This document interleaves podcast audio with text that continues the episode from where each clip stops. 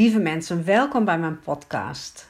Het is een tijdje geleden, maar ik had niet zoveel stem. En mijn stem is nog niet helemaal 100%, maar wel weer verstaanbaar. Dus vandaar dat ik nu weer een podcast inspreek. En deze podcast is getiteld Gaat het om wat je doet? En ik geef ook maar meteen het antwoord: nee, volgens mij gaat het niet om wat je doet, maar om hoe je aanwezig bent in wat je doet. En op dit moment maak ik daar een bewustzijnsverandering in door. Ik weet nu dat als ik heel bang ben of iets spannend vind of iets ga doen waar ik me van tevoren erg druk om maak, dat dan mijn ego opspeelt. Want kennelijk is het dan voor mij heel belangrijk uh, hoe ik iets doe. En is er ook angst om het fout te doen? Of misschien ben ik wel bang voor hoe andere mensen reageren. En dan ben ik daar zo van tevoren, heb ik daar last van, dat ik op de dag zelf ja, min of meer uitgeput ben en niet echt voor 100% aanwezig kan zijn in wat ik doe. En voor mij is het fijn om te weten dat dat, dat zo is. En als jij dat herkent en ook ontzettend gespannen bent, meer dan de normale gezonde spanning, of angstig bent voordat je iets moet doen, weet dan dat je ego aan het woord is. En dan kun je drie dingen doen. Je kunt besluiten om het niet te doen, want dat is te spannend kost je te veel energie. Je kunt de angst en spanning negeren en doen wat je moet doen zonder er echt van te genieten. Of je kunt in gesprek gaan met die angst en spanning. Want spanning en angst hebben je wel iets te vertellen. Spanning en angst willen ook iets voor je bereiken. En ik heb ontdekt dat in mijn geval, als ik spanning en angst voel, dan betekent dat dat ik meer liefde voor mezelf moet voelen en meer vertrouwen in mezelf mag hebben. En dat is, dan denk je soms, ik heb nu genoeg innerlijk werk gedaan, maar dan komt er dan toch weer iets en dan denk je, oh ja, het is nog niet uh, helemaal uh, genoeg. Of het is nog een uitdaging om die liefde voor mezelf en dat vertrouwen in mezelf weer eens onder de loep te nemen. En dat probeer ik dan ook te doen. Dus als ik heel erg angstig ben of gespannen van tevoren, dat ik dan mezelf daarin koester. En hoe ik dat doe, dat is door gewoon hardop maar uit te spreken dat het zo is en dat ik er niet tegen moet vechten, maar juist het welkom mag heten. En dat doe ik dan ook wel door de focusoefening, maar ook wel gewoon door het bewustzijn door me ervan bewust te zijn dat, dat, het, ja, dat ik er niet tegen moet vechten, maar dat het gewoon oké is. En dat er kennelijk nog een restje in mij zit, wat ook nog gehoord wil worden. En dat ik mezelf daarin nog, nog meer mag koesteren en liefhebben. En spanning en angst zijn totaal niet nodig. Want ik heb honderden workshops gegeven en het is nooit fout gegaan tussen aanhalingstekens. Ja, soms was ik de ene keer beter of scherper dan de andere keer. En er is ook nooit iemand geweest die tegen mij zei: Je bent een waardeloze trainer. Er is wel eens iemand weggelopen of uh, gestopt halverwege de training. Maar dat is echt, nou, dat zijn er misschien twee of drie geweest in die dertien jaar dat ik ermee bezig ben. En ik mag er dan ook op leren vertrouwen dat angst en spanning me misschien scherp willen maken. Want dat gebeurt ook wel eens dat ik het helemaal niet voel en dat het dan ook niet helemaal achteraf was wat ik me ervan had voorgesteld. Maar dat het niet de bedoeling is dat angst en spanning mij blokkeren of mij uit de slaap houden. Want dan kost het te veel energie en dat is zonde. In mijn boek staat een verhaal van een man die niet in het openbaar durfde te spreken. Hij werd dan panisch en ging in gesprek met de angst door een regressie te doen. En hij kwam in een situatie dat ooit een meester, een schoolmeester van hem het woord Citroën op het bord had geschreven.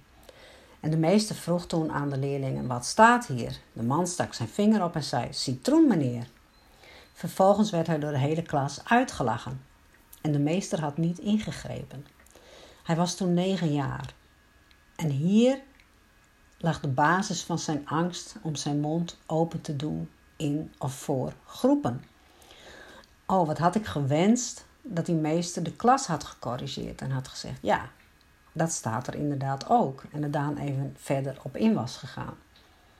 Spanning en angst zijn dus in de meeste gevallen emoties die je tijdens je kindertijd hebt moeten parkeren, omdat er niet een bewuste volwassene om je heen was die je deze spanning en angst meteen kon laten doorvoelen of die jou empathie kon geven.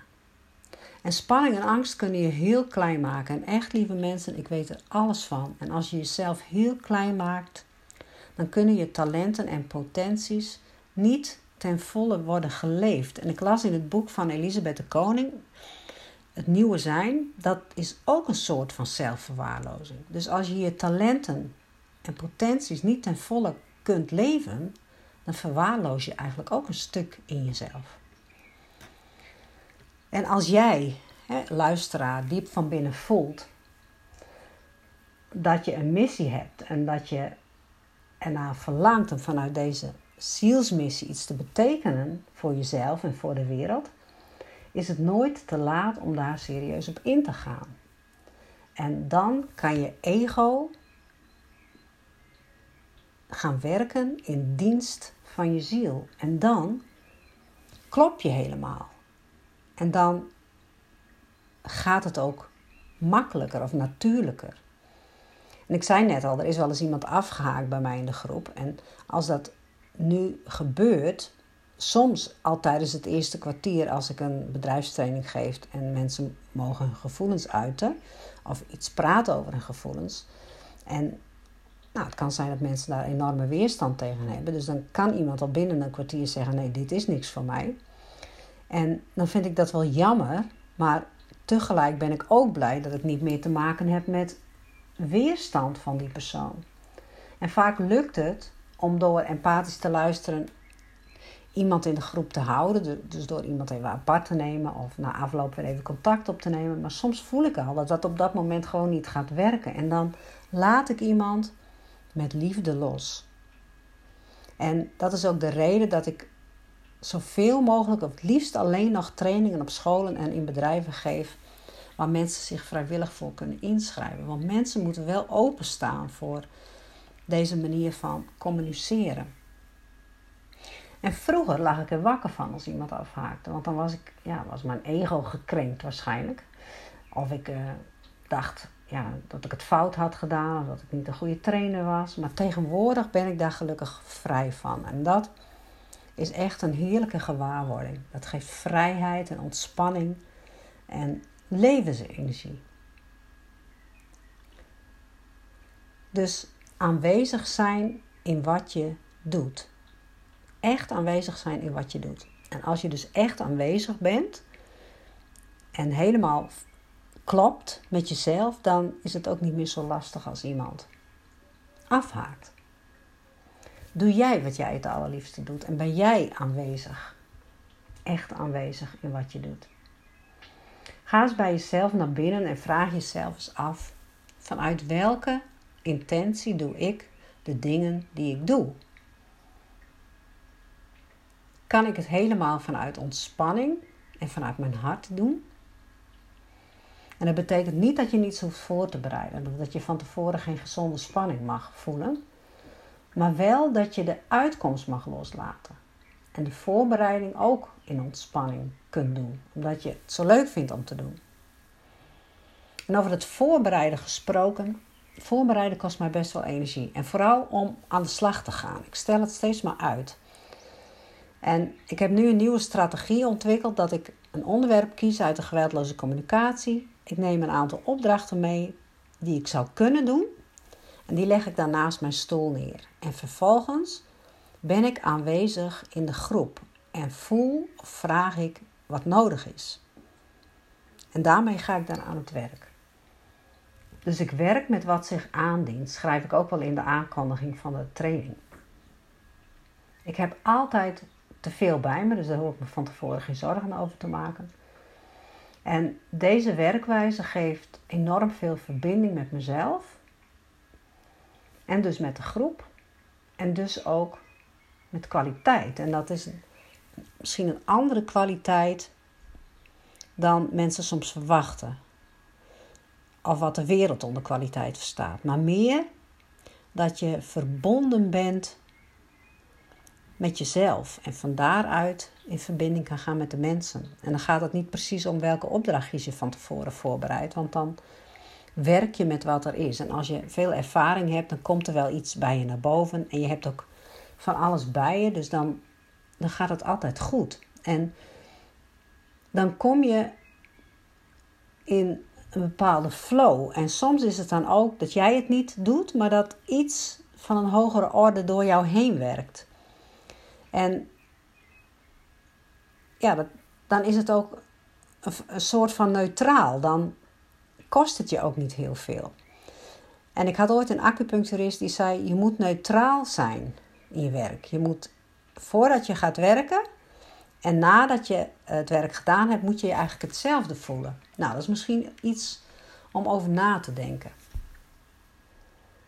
Dus je gevoel voordat je iets doet, moet hetzelfde zijn als nadat je het gedaan hebt. En dat herinnert mij aan een concert dat ik gaf toen ik 59 werd. Ik zong toen 12 liedjes en vertelde daarbij wat deze liedjes voor mij betekenden. Ik had ook een aantal opdrachtjes liggen, een paar hoeken gemaakt uh, met opdrachtjes uit de geweldige communicatie. En er waren ongeveer 60 mensen. En ik was van tevoren helemaal niet bezig met wat ga ik dan precies zeggen bij de liedjes. Want ik had er vertrouwen in dat de woorden als vanzelf zouden komen. En de teksten van de liedjes waren immers de basis. En een dag van tevoren kwam iemand bij me die me zou helpen. En die zei: Je kan het toch niet niet voorbereiden? En help, dacht ik toen, ik moet er nog maar even voor gaan zitten en toch wat op papier zetten, want straks sta ik met de mond vol tanden. Dus ik werd uh, uh, angstig en onzeker. En nou, ik heb bij elk liedje een paar zinnen opgeschreven en toen ik bij dit concert iets voorlas van wat er op dat moment helemaal niet natuurlijk uitkwam natuurlijk, van wat er op mijn briefje stond, dacht ik, weg ermee, dit werkt niet voor mij. En, en het kwam goed. En na afloop voelde ik me eigenlijk uh, hetzelfde als van tevoren. Uh, het was gewoon heel natuurlijk en fijn om te doen. En ja, ik was niet heel gespannen van tevoren en ik was ook niet heel erg uh, uitgeput daarna. Dus het was een hele mooie, ja, mooie ervaring. En toen dacht ik, toen die buurvrouw dat had gezegd tegen mij, niet meer naar andere mensen luisteren mijn gevoel volgen, mijn intuïtie volgen en vooral vertrouwen hebben in het levensproces. Drie keer nam ik ontslag uit vaste banen. En als ik toen naar andere mensen had geluisterd, had ik het waarschijnlijk nooit gedurfd. En dat had met geld te maken. Zou je dat nu wel doen, dan ben je dat inkomen kwijt, zei men dan. Maar gelukkig bleef ik dan toch in vertrouwen. En als je in vertrouwen kan zijn, dan komt er van onverwachte kanten wel iets naar je toe. En zo is het althans bij mij altijd gegaan. En ik kreeg dan bijvoorbeeld onverwacht een potje geld. Toen ik nog in de kerk werkte, nam ik ontslag. Kreeg ik onverwacht een potje geld dat ik onbewust gespaard had. Het was voor mijn pensioen, dat hadden ze nooit afgedragen. Nou, kon ik daar een autootje van kopen. Of ik kwam spaargeld vrij, waar ik van tevoren niet aan had gedacht. Of een collega had voor mij, toen ik ontslag nam, uh, als leraar had hij voor mij tien cursisten geregeld. En mocht ik in haar cursusruimte mijn allereerste cursus geven als, ja, voor mijn eigen bedrijf. Als je in vertrouwen kunt zijn, dan is er ook altijd geld. En ik heb het misschien ook al eens eerder in een podcast verteld. Toen ik ontslag nam uit de kerk, heb ik een opleiding gedaan nou, die kostte 2500 euro per jaar. En toen zei een vriendin, ach, zij was net gescheiden, had uh, iets van een ton op de bank staan. Ze zegt, nou, leen je dat toch lekker van mij? Krijg ik wel eens terug. Dus bij mij kwam het altijd goed. En als er geen spaarpotjes vrijkomen, is er altijd wel iets om te doen. Zo heb ik huizen van vriendinnen gepoetst. Ik heb bij mijn broer in de groentewinkel gewerkt. En dat vond ik ook hartstikke leuk. Want ik was dan echt aanwezig in wat ik deed. Ik genoot daar echt van. En ja, ik wil jullie gewoon met jullie delen dat je ervan bewust mag zijn. Dat het niet gaat om wat je doet, maar om hoe je aanwezig kunt zijn. Hoe je aanwezig bent in wat je doet. En als het automatische pilootwerk is geworden, is het misschien wel tijd om eens om je heen te kijken. Of als je iets doet met tegenzin, of als je helemaal kapot bent aan het einde van de dag, dan kun je ook eens bij jezelf te raden gaan. Misschien moet ik toch eens voelen wat dit werk nog voor mij betekent. Is er nog vreugde in wat ik doe? En ook weegt het nog op tegen wat het me kost. Want het leven is niet bedoeld om jezelf uit te putten. En als je nu op dit moment twijfelt over iets wat je doet, of je twijfelt over iets wat je nog wilt doen, maar ja, misschien nog niet durft, of als je het wel weet, ik wil voor mezelf beginnen, of ik wil een nieuwe impuls in mijn leven, ga het gewoon doen. Spring. En als het dan niet is, als het er dan niet is, dan is je bewustzijn weer verruimd. Falen bestaat niet. En als je durft te springen, hoef je later niet te zeggen: had ik maar. Want als je niks probeert, zul je ook niet groeien. En ik voel dat zelf als een levensopdracht om steeds meer te groeien naar hoe ik ten diepste bedoeld ben. Want als ik groei naar hoe ik ten diepste bedoeld ben, dan denk ik ook dat ik de dingen die ik doe ontspannen kan doen, omdat het bij me past. En daar ben ik bereid risico's voor te nemen. Nou, wil jij dat ook? Nou, ik zou zeggen, doe eens gek en doe het. En heb je nu cursussen die je geeft of groepen waar je voor staat en kost je dat nog te veel spanning? En weet je toch dat dat is wat je toch graag wil blijven doen? Nou, kom dan volgende week donderdag 6 mei naar mijn webinar Ontspannen voor de groep. Stuur me even een mailtje naar info.sonjazwart.nl en dan stuur ik jou de informatie. Het is een gratis webinar aanstaande donderdag 6 mei om 10 uur. Nou, wie weet zien we elkaar dan. Doeg!